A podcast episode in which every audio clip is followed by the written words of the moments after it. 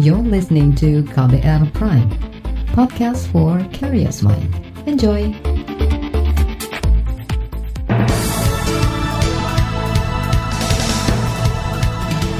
Selamat pagi saudara, senang sekali kami bisa kembali menjumpai Anda pagi hari ini melalui program Buletin Pagi edisi Selasa 3 November 2020. Pagi hari ini sejumlah informasi pilihan telah kami siapkan untuk Anda. Di antaranya, Presiden Joko Widodo akhirnya menaikkan Undang-Undang Cipta Kerja. BPS mencatat inflasi pertama di bulan Oktober setelah tiga bulan deflasi. Kementerian Agama membangun sekolah Hindu di Banyuwangi, Jawa Timur. bersama saya Reski Mesanto, inilah Buletin Pagi selengkapnya. Terbaru di Buletin Pagi. Presiden Joko Widodo akhirnya menandatangani Undang-Undang Cipta Kerja pada Senin malam kemarin. Undang-undang itu ditandatangani hampir 30 hari setelah disahkan di DPR. Undang-Undang Cipta Kerja telah diundangkan di lembar negara dengan nomor 11 tahun 2020. Terbaru di Buletin Pagi. Saudara, hingga kemarin Presiden Joko Widodo belum menandatangani Undang-Undang Cipta Kerja. Menurut kalangan buruh, Presiden Joko Widodo bimbang sehingga belum menekan Undang-Undang Cipta Kerja. Ketua Umum Kongres Aliansi Serikat Buruh Indonesia atau KASBI, Nining Elitos mengatakan, sikap Presiden itu menunjukkan Presiden masih ragu melahirkan regulasi yang ditentang oleh rakyat.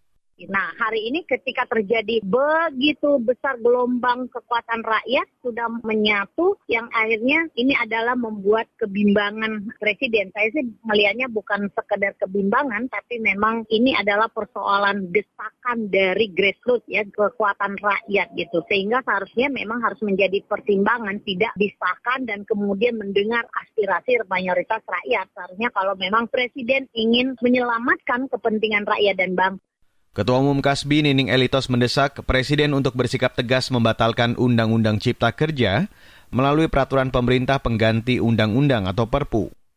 Organisasi Serikat Buruh termasuk Kasbi mengancam akan menggelar unjuk rasa kembali jika tuntutannya tak dipenuhi. Berdasarkan ketentuan perundang-undangan, Presiden memiliki waktu 30 hari untuk menandatangani suatu undang-undang yang sudah disahkan DPR. Jika tidak ditandatangani, undang-undang itu akan otomatis berlaku. Sementara itu salah satu fraksi di DPR yang menolak Undang-Undang Cipta Kerja yaitu fraksi PKS menyebut semestinya Presiden Jokowi menggunakan waktu 30 hari terakhir ini untuk meninjau ulang substansi dalam undang-undang tersebut. Anggota Badan Legislasi DPR dari fraksi PKS Amin Aka mengatakan, fraksinya meminta Presiden Jokowi mempertimbangkan desakan masyarakat, terutama buruh dan segera mengambil untuk membatalkan Undang-Undang Cipta Kerja itu. Jadi dengan posisi ini kami nggak mendukung presiden segera tanda tangani enggak gitu loh. Itu sudah domainnya domainnya presiden ya, domainnya pemerintah. Yang jelas kami sudah menyampaikan kami menolak dan berharap presiden memenuhi tuntutan masyarakat yaitu menerbitkan perpu. Anggota Badan Legislasi DPR dari fraksi PKS Amin Aka menambahkan secara prosedur dan substansi, pembentukan Undang-Undang Cipta Kerja cacat karena itu jika Undang-Undang Cipta Kerja akhirnya diundangkan di lembar negara, tidak menutup kemungkinan fraksi PKS akan melakukan uji legislasi bersama fraksi penolak lain yaitu Demokrat. Sebelumnya, tenaga ahli utama kantor staf Presiden ahli Motar Ngabalin mengklaim Presiden Jokowi berpeluang menandatangani undang-undang tersebut. Menurut Ali Mokhtar, pemerintah masih ingin memastikan hal-hal yang berkaitan dengan kepentingan banyak orang. Insya Allah Presiden akan tekan. Dengan izin Allah, tidak ada aral yang melintang. Karena uh, kepastian uh, pemerintah dan negara dalam menetapkan hal-hal uh, yang terkait dengan mendatangkan manfaat untuk kepentingan orang banyak dan negara dan masa depan generasi itu adalah sesuatu yang pasti. Itu tadi tenaga ahli utama kantor staf Presiden Ali Mokhtar Ngabalin. Sementara tenaga ahli utama kantor staf Presiden atau KSP Adi Irfan Pulungan dan tenaga ahli kedeputian KSP Doni Gahral Adian tidak menjawab pesan saat KBR mencoba mengonfirmasi kapan Presiden Jokowi akan menekan Undang-Undang Low Cipta Kerja. Saudara pakar hukum tata negara Bivitri Susanti menilai pemerintah dalam hal ini Presiden Joko Widodo tidak tegas dalam mengkomunikasikan persoalan Omnibus Law Cipta Kerja. Padahal undang-undang itu diusulkan dan dikebut pembahasannya oleh pemerintah. Menurut saya sih inilah yang sebenarnya membuat kekisruhan itu cara pemerintah berkomunikasi sendiri. Kan mereka sendiri, Pak Jokowi sendiri yang bilang, silahkan ke Mahkamah Konstitusi kalau mau protes. Tapi juga upaya ke Mahkamah Konstitusi ini juga dibuat bingungan seperti sekarang gitu. Ini menurut saya kayak benar-benar memainkan emosi lah, PHP gitu mungkin ya kalau istilahnya anak-anak zaman sekarang gitu. Memainkan emosi para pemprotes karena rumor itu terus menerus digaungkan. Pertanyaan juga dilontarkan Guru Besar Hukum Tata Negara Fakultas Hukum Universitas Pajajaran Susi Dwi Haryanti. Susi menilai sikap pemerintah yang bungkam dalam menggantungkan Undang-Undang Cipta Kerja menambah kebingungan masyarakat. Sementara itu hingga kemarin para buruh masih terus menggelar aksi menolak Undang-Undang Cipta Kerja, termasuk aksi di depan gedung Mahkamah Konstitusi. Dalam aksi itu, perwakilan buruh yang diwakili Presiden Konfederasi Serikat Pekerja Indonesia atau KSPI, Said Iqbal, dan Presiden Konfederasi Serikat Pekerja Seluruh Indonesia atau KSPSI, Andi Gani ditemui Sekretaris Jenderal MK, Guntur Hamzah di gedung MK. Kawan-kawan, saya bersama Presiden KSPI Said Iqbal tadi bertemu dengan Sekretaris Jenderal Mahkamah Konstitusi. Kita menegaskan MK jangan main-main dengan gugatan buruh. Setuju? Setuju. Siap mengawal setiap sidang? Siap. Dalam pertemuan itu, perwakilan buruh meminta Hakim Mahkamah Konstitusi bersikap adil dalam memutus permohonan uji materi Undang-Undang Cipta Kerja yang akan diajukan nanti. Buruh mengancam akan memberi perlawanan jika putusan Hakim MK mencederai rakyat. Selain di Jakarta, buruh dari KSPI dan KSPSI juga menggelar aksi serentak di 24 provinsi lain di Indonesia. Saudara, tingkat hunian di Rumah Sakit Darurat COVID-19 menurun. Informasi selengkapnya akan hadir usai jeda. Tetaplah bersama kami di Buletin Pagi KBR. You're listening to KBR Pride, podcast for curious mind. Enjoy!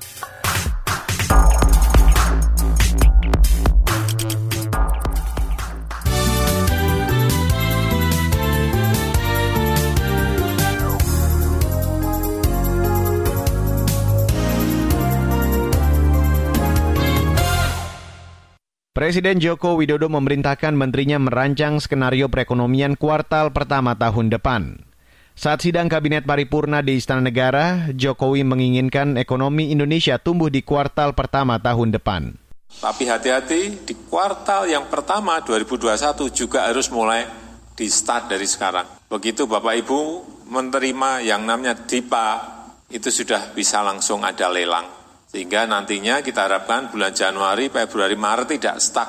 Setelah kuartal keempat langsung drop. Kita harapkan kuartal pertama itu ada ungkitan juga untuk naik. Presiden Joko Widodo juga mengajak para menteri dan semua pihak bekerja keras agar ekonomi Indonesia bisa membaik atau minimal tumbuh positif di kuartal keempat 2020. Jokowi memerintahkan para pejabat di kementerian segera merealisasikan belanja negara secara maksimal di sisa waktu tahun 2020. Saudara, Badan Pusat Statistik atau BPS mencatat terjadi inflasi sepanjang Oktober 2020. Ini merupakan inflasi pertama setelah sebelumnya BPS mencatat terjadi deflasi selama tiga bulan berturut-turut. Namun Kepala BPS Suharyanto mengatakan inflasi sebesar 0,04 persen ini belum menunjukkan tanda-tanda pemulihan daya beli masyarakat. Berdasarkan hasil pemantauan BPS di 90 kota pada bulan Oktober tahun 2020 ini terjadi inflasi sebesar 0,07 persen. Sehingga dengan demikian inflasi tahun kalender dari bulan Januari sampai dengan bulan Oktober tahun 2020 adalah sebesar 0,95 persen dan inflasi tahunan Y on Y adalah sebesar 1,44 persen. Kepala BPS Suharyanto menjelaskan komponen inflasi inti pada Oktober 2020 cenderung menurun. Komponen ini dipengaruhi oleh beberapa faktor, di antaranya interaksi permintaan penawaran, inflasi mitra dagang, harga komoditas internasional, hingga lingkungan eksternal seperti nilai tukar. Suharyanto menambahkan tren menurunnya daya beli masyarakat dirasakan oleh sekitar 40 persen masyarakat yang termasuk ke dalam kelas menengah sebab banyak pekerja yang dirumahkan atau mengalami penurunan tingkat upah. Kita beralih ke informasi hukum, Saudara pengusaha Joko Chandra menjalani sidang perdana di Pengadilan Tindak Pidana Korupsi Jakarta pada Senin kemarin. Selain Joko Chandra, pengadilan juga menggelar sidang perdana untuk terdakwa lain, yaitu dua jenderal polisi, Napoleon Bonaparte dan Prasetyo Utomo. Dalam sidang tersebut, jaksa penuntut umum mendakwa Joko Chandra menyuap dua jenderal polisi dan seorang jaksa untuk menghindari eksekusi penjara saat pulang dari buron 11 tahun di luar negeri. Joko Chandra sebelumnya difonis dua tahun penjara dalam kasus korupsi hak tagih Bank Bali yang merugikan negara 940 miliar rupiah. Jaksa menyebut Joko Chandra memberi suap 500 dolar Amerika Serikat kepada jaksa Pinangki Sirna Malasari. Joko Chandra juga didakwa menyuap dua jenderal polisi untuk menghapus statusnya sebagai buronan dari data Interpol. Saudara seorang pejabat Kejaksaan Agung yang menjadi tersangka kasus kebakaran gedung Kejaksaan Agung akhirnya memenuhi panggilan penyidik markas besar polisi pada Senin kemarin. Tersangka berinisial NH itu merupakan pejabat pembuat komitmen atau PPK di Kejagung. Juru bicara markas besar Polri Awi Setiono mengatakan NH sebelumnya mangkir dari pemeriksaan dengan alasan sakit. Ya, yang bersangkutan direncanakan memang hari ini dilakukan pemeriksaan dan uh, informasi di penyidik uh, datang tentunya nanti kita lihat bagaimana perkembangannya. Juru bicara Markas Besar Kepolisian Polri Awi Setiono menambahkan, hari ini penyidik Bareskrim akan kembali memeriksa tersangka lain yakni Direktur Utama PT APM. Penyidik akan mendalami informasi terkait tender perawatan gedung kejaksaan. Dalam pemeriksaan sebelumnya, tersangka mengaku meminjam bendera atau perusahaan orang lain saat memenangi tender tersebut. Kepolisian menetapkan delapan tersangka dalam perkara kebakaran gedung Kejaksaan Agung. Tersangka terdiri dari lima tukang bangunan, satu mandor, satu pejabat Kejaksaan Agung, dan satu vendor swasta.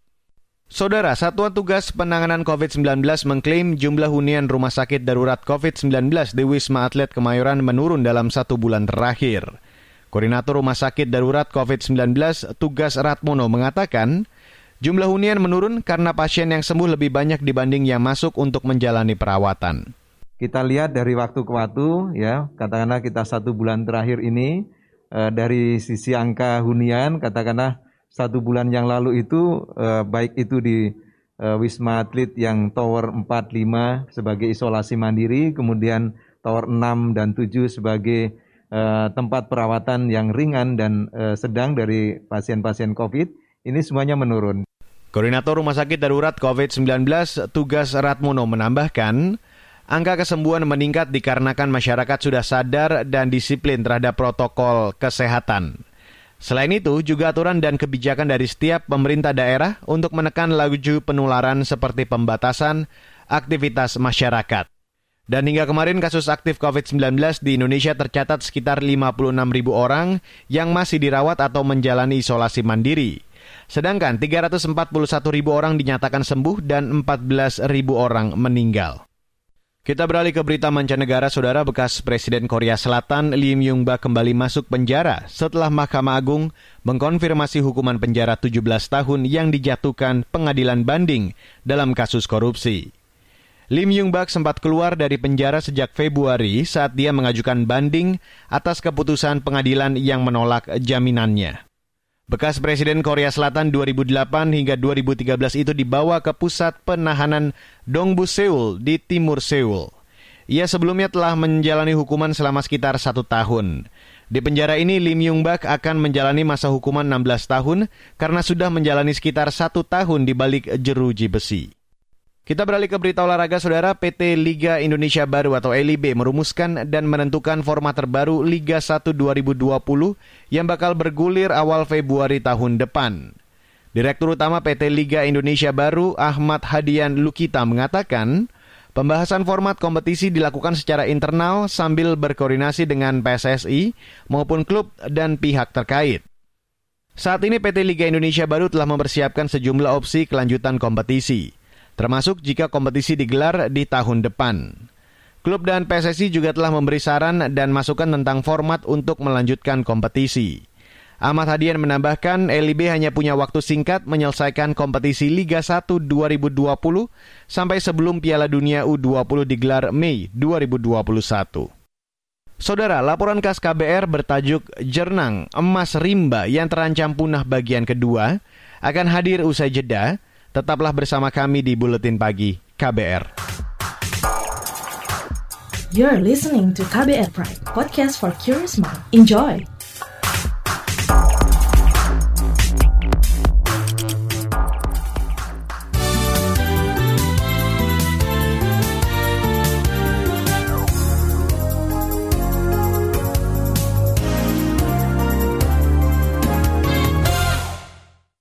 Saudara jernang merupakan produk turunan rotan. Berbentuk getah, jernang dipakai sebagai bahan baku pewarna di industri porselen. Harganya cukup mahal, namun kebakaran hutan dan lahan membuat jernang makin sulit dicari. Suku orang Rimbo di Taman Nasional Bukit 12 Jambi kini belajar budidaya jernang supaya tak punah Kontributor KPR Elvi Dayanti menelusuri hutan di Kabupaten Sarolangun, Jambi dan mencari tahu soal jernang ini. Berikut kisah bagian kedua. Ini adalah ladang untuk budidaya pengembangan tanaman jernang. Butuh satu jam jalan kaki atau dengan motor trail dari kantor resor air hitam di Taman Nasional Bukit 12 Jambi mengingat akses ke lokasi yang cukup ekstrim. Kita sekarang berada di Demplot Jernang, eh, Balai Taman Nasional Bukit 12. Kalau orang rimba bilangnya wilayahnya Bukit Berumbung. Jadi Demplot Jernang ini dulunya sekitar luasannya kurang lebih satu hektar. Dan kita sudah melakukan beberapa kali apa budidaya. Kepala Resor Air Hitam Balai Taman Nasional Bukit 12 Wawan Hermawan menjelaskan Budidaya jernang ini dilakukan di area di mana jernang pernah tumbuh dengan baik. Jernang perlu dibudidayakan karena jumlahnya makin sedikit. Di tengah hutan Jambi yang terus terancam kebakaran hutan dan lahan. Dengan kondisi hutan yang cukup baik, ada jernang yang sudah berusia sekitar 20-an tahun. Jernang memang butuh hutan yang baik serta pohon lain untuk merambat dan berkembang biak. Tantangannya sekarang adalah mendapatkan bibit jernang yang bagus, sebab banyak jernang yang keburu dipanen saat usia muda, padahal bibit jernang yang baik hanya bisa didapat ketika buah jernang sudah matang. Erinaldi dari Komunitas Konservasi Indonesia KKI Warsi. Kesulitan itu dalam proses pengembangan ini adalah karena jernang yang banyak getahnya itu adalah pada buah muda sehingga dipanen pada masa buah muda sehingga menyulitkan memang untuk mendapatkan buah masa untuk dijadikan benih dan bibit. Selain itu, proses pembibitan juga cukup lama. Nah, biasanya jernang itu secara alami dia akan tumbuh itu 6 sampai 8 bulan baru berkecambah. Nah, akhirnya dengan tiga tahun lamanya percobaan ditemukanlah caranya satu minggu sampai dua minggu sudah bisa berkecambah. Artinya kita Balai Taman Nasional Bukit 12 Jambi juga membuat demplot untuk jernang yang dikelola oleh suku orang rimba di bagian selatan Taman Nasional ini, kata Wawan Hermawan. Kemudian ada juga sih kita ngasih bantuan ke sukuan dalam Tumenggung Grip itu, tapi itu e, untuk demplot komunal untuk mereka, tepatnya di Sungai Sako Selensing di situ. Orang rimba bernama Sepinta sudah ikut pelatihan untuk pengembangan jernang. Kalau bantuan di luar ada seperti pelatih-pelatih. Kalau bantuan dari luar ada pelatihan-pelatihan dari Warsi. Dari balai ada pelatihan menanam jernang. Ada juga bantuan dari balai itu bibit jernang burung. Kalau jernang bonor seperti ini belum ada. Kalau yang baik itu yang harus dikembangkan itu jernang bonor ini. Jernang yang paling baik dan mahal harganya. Paling mahal harganya. Biasanya, orang rimba menghasilkan 2 hingga 3 juta rupiah per kilogram jernang. Namun di demplot ini, mereka bisa mendapatkan jauh lebih besar. Di area satu hektar lahan ini, bisa ditanam 50 hingga 70 batang tanaman jernang plus tanaman lain sebagai rambatan sekaligus bisa menghasilkan seperti petai dan jengkol. Dari situ mereka bisa mendapatkan 75 juta rupiah sekali panen. Erinaldi dari KKI Warsi mengatakan budidaya jernang bisa menjadi alternatif pilihan yang lebih ramah lingkungan daripada menanam sawit untuk satu hektar yang dicampur dengan komoditi lain. Kalau dia berbuah setengahnya artinya 25 kilo per musim itu bisa didapat. Kalau dengan harga rata-rata biasanya itu 3 juta per kilogram, artinya mereka sudah mendapat sekitar 75 juta per musim. Sedangkan jernang dalam satu tahun minimal dua kali musim. Bagi orang rimba seperti Sepinta, keberadaan demplot membantu penghidupannya. Namun, ia berharap budidaya jernang berkelanjutan itu bisa dilakukan di lahan yang pernah terbakar. Sebab jernang bukan hanya soal ekonomi, tetapi juga bagian dari tradisi orang rimba menjaga lingkungan. Seharusnya menanamnya podok Seharusnya balai menanam di kawasan yang terbakar dulu. Pohon-pohon kan ada yang ditanam di lokasi kebakaran. Menurutku lebih bagus kalau menanam jernang di lokasi yang ditanami pohon-pohon itu. Jadi sekalian kan? Jadi sekalian kan? Demikian Saga KBR, saya Elvi Dayanti Darkasi. Terima kasih sudah mendengarkan. Dan saudara, informasi dari daerah akan kami hadirkan usai jeda. Tetaplah bersama kami di Buletin Pagi KBR.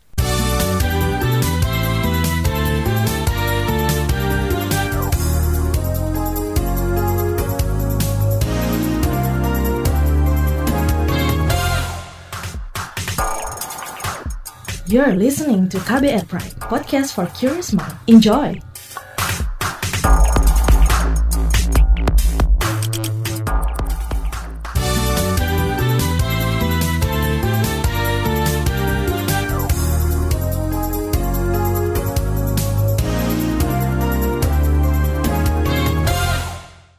Saudara Anda masih bergabung bersama kami pagi hari ini di Buletin Pagi dan ini merupakan bagian akhir Buletin Pagi. Kita ke Jawa Timur, Saudara. Kementerian Agama menjadikan SMU Utama Widya Prasman Banyuwangi sebagai sekolah Hindu unggulan di kabupaten itu. Direktur Jenderal Bimbingan Masyarakat Hindu Kementerian Agama, Tri Handoko Seto mengatakan, Banyuwangi dinilai berhasil melahirkan inovasi yang telah mengubah Banyuwangi secara drastis. Hal ini menginspirasi kebijakan untuk meningkatkan kapasitas sumber daya manusia, khususnya umat Hindu.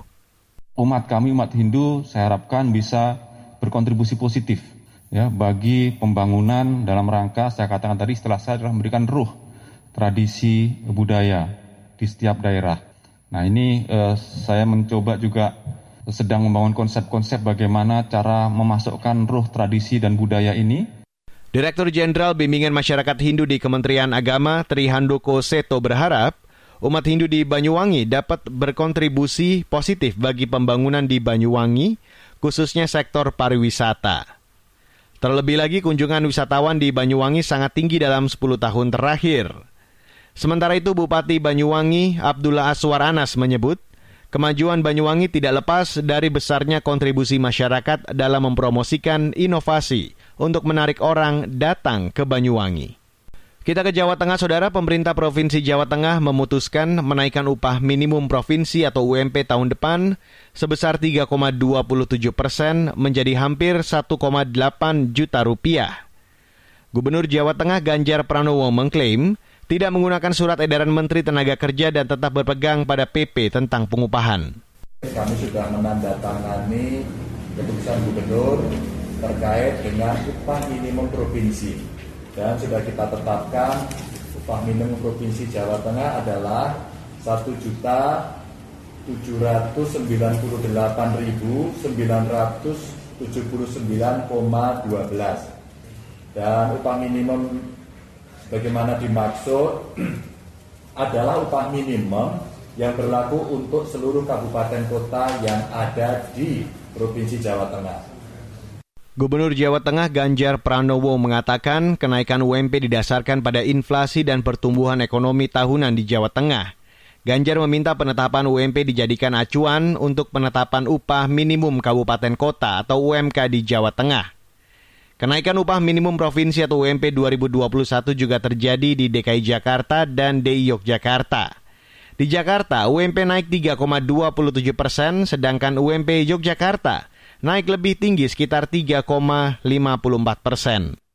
Kita ke Yogyakarta, Saudara. Badan Penyelidikan Pengembangan Teknologi Kebencanaan Geologi atau BPPTKG memprediksikan erupsi Gunung Merapi akan kembali terjadi tidak lama lagi. Menghadapi ancaman itu, pemerintah Provinsi Daerah Istimewa Yogyakarta menyiapkan upaya mitigasi yang disesuaikan dengan kondisi pandemi COVID-19. Sekretaris Daerah DI Yogyakarta, Kadar Manta Baskaraji mengatakan, Prediksi dari otoritas geologi menjadi peringatan dini, baik bagi masyarakat maupun pemerintah daerah agar berjaga-jaga jika terjadi erupsi Merapi. Sehingga harapannya kalau erupsi itu lebih kecil dari tahun 2010, eh, shelter-shelter maupun jalur evakuasi yang kita siapkan itu sudah memadai. Di luar itu, eh, bersamaan dengan persiapan kita kontingensi terhadap bencana yang ada di DIY, ini juga menjadi satu bagian yang kita kelola secara terpadu untuk menangani bersama-sama dengan penanganan COVID-19, termasuk di dalamnya untuk APBD-nya. Sekretaris Daerah DIY Kadar Manta Baskara Aji menambahkan, dalam kondisi normal, penanganan bencana erupsi melibatkan Badan Nasional Penanggulangan Bencana atau BNPB dan lainnya. Namun dalam kondisi pandemi, semua pihak termasuk masyarakat harus bersiap melakukan penanganan secara mandiri. Gunung Merapi pernah meletus hebat pada 26 Oktober 10 tahun lalu dan lebih dari 350 orang tewas saat itu, termasuk penjaga atau juru kunci Gunung Merapi, Mbah Marijan. Dan saudara informasi tadi menutup jumpa kita pagi hari ini di Buletin Pagi edisi 3 November 2020. Pantau juga informasi terbaru melalui kabar baru melalui situs kbr.id, Twitter kami di account at berita KBR, serta untuk Anda yang terlewat siaran pagi hari ini, Anda bisa mendengarkannya kembali di podcast kabar baru di kbrprime.id. Akhirnya saya, Reski Mesanto, mewakili tim redaksi yang bertugas pagi hari ini.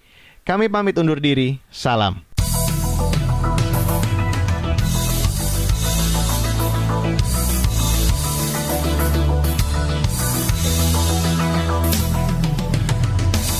KBR Prime, cara asik mendengar berita. KBR Prime, podcast for curious mind.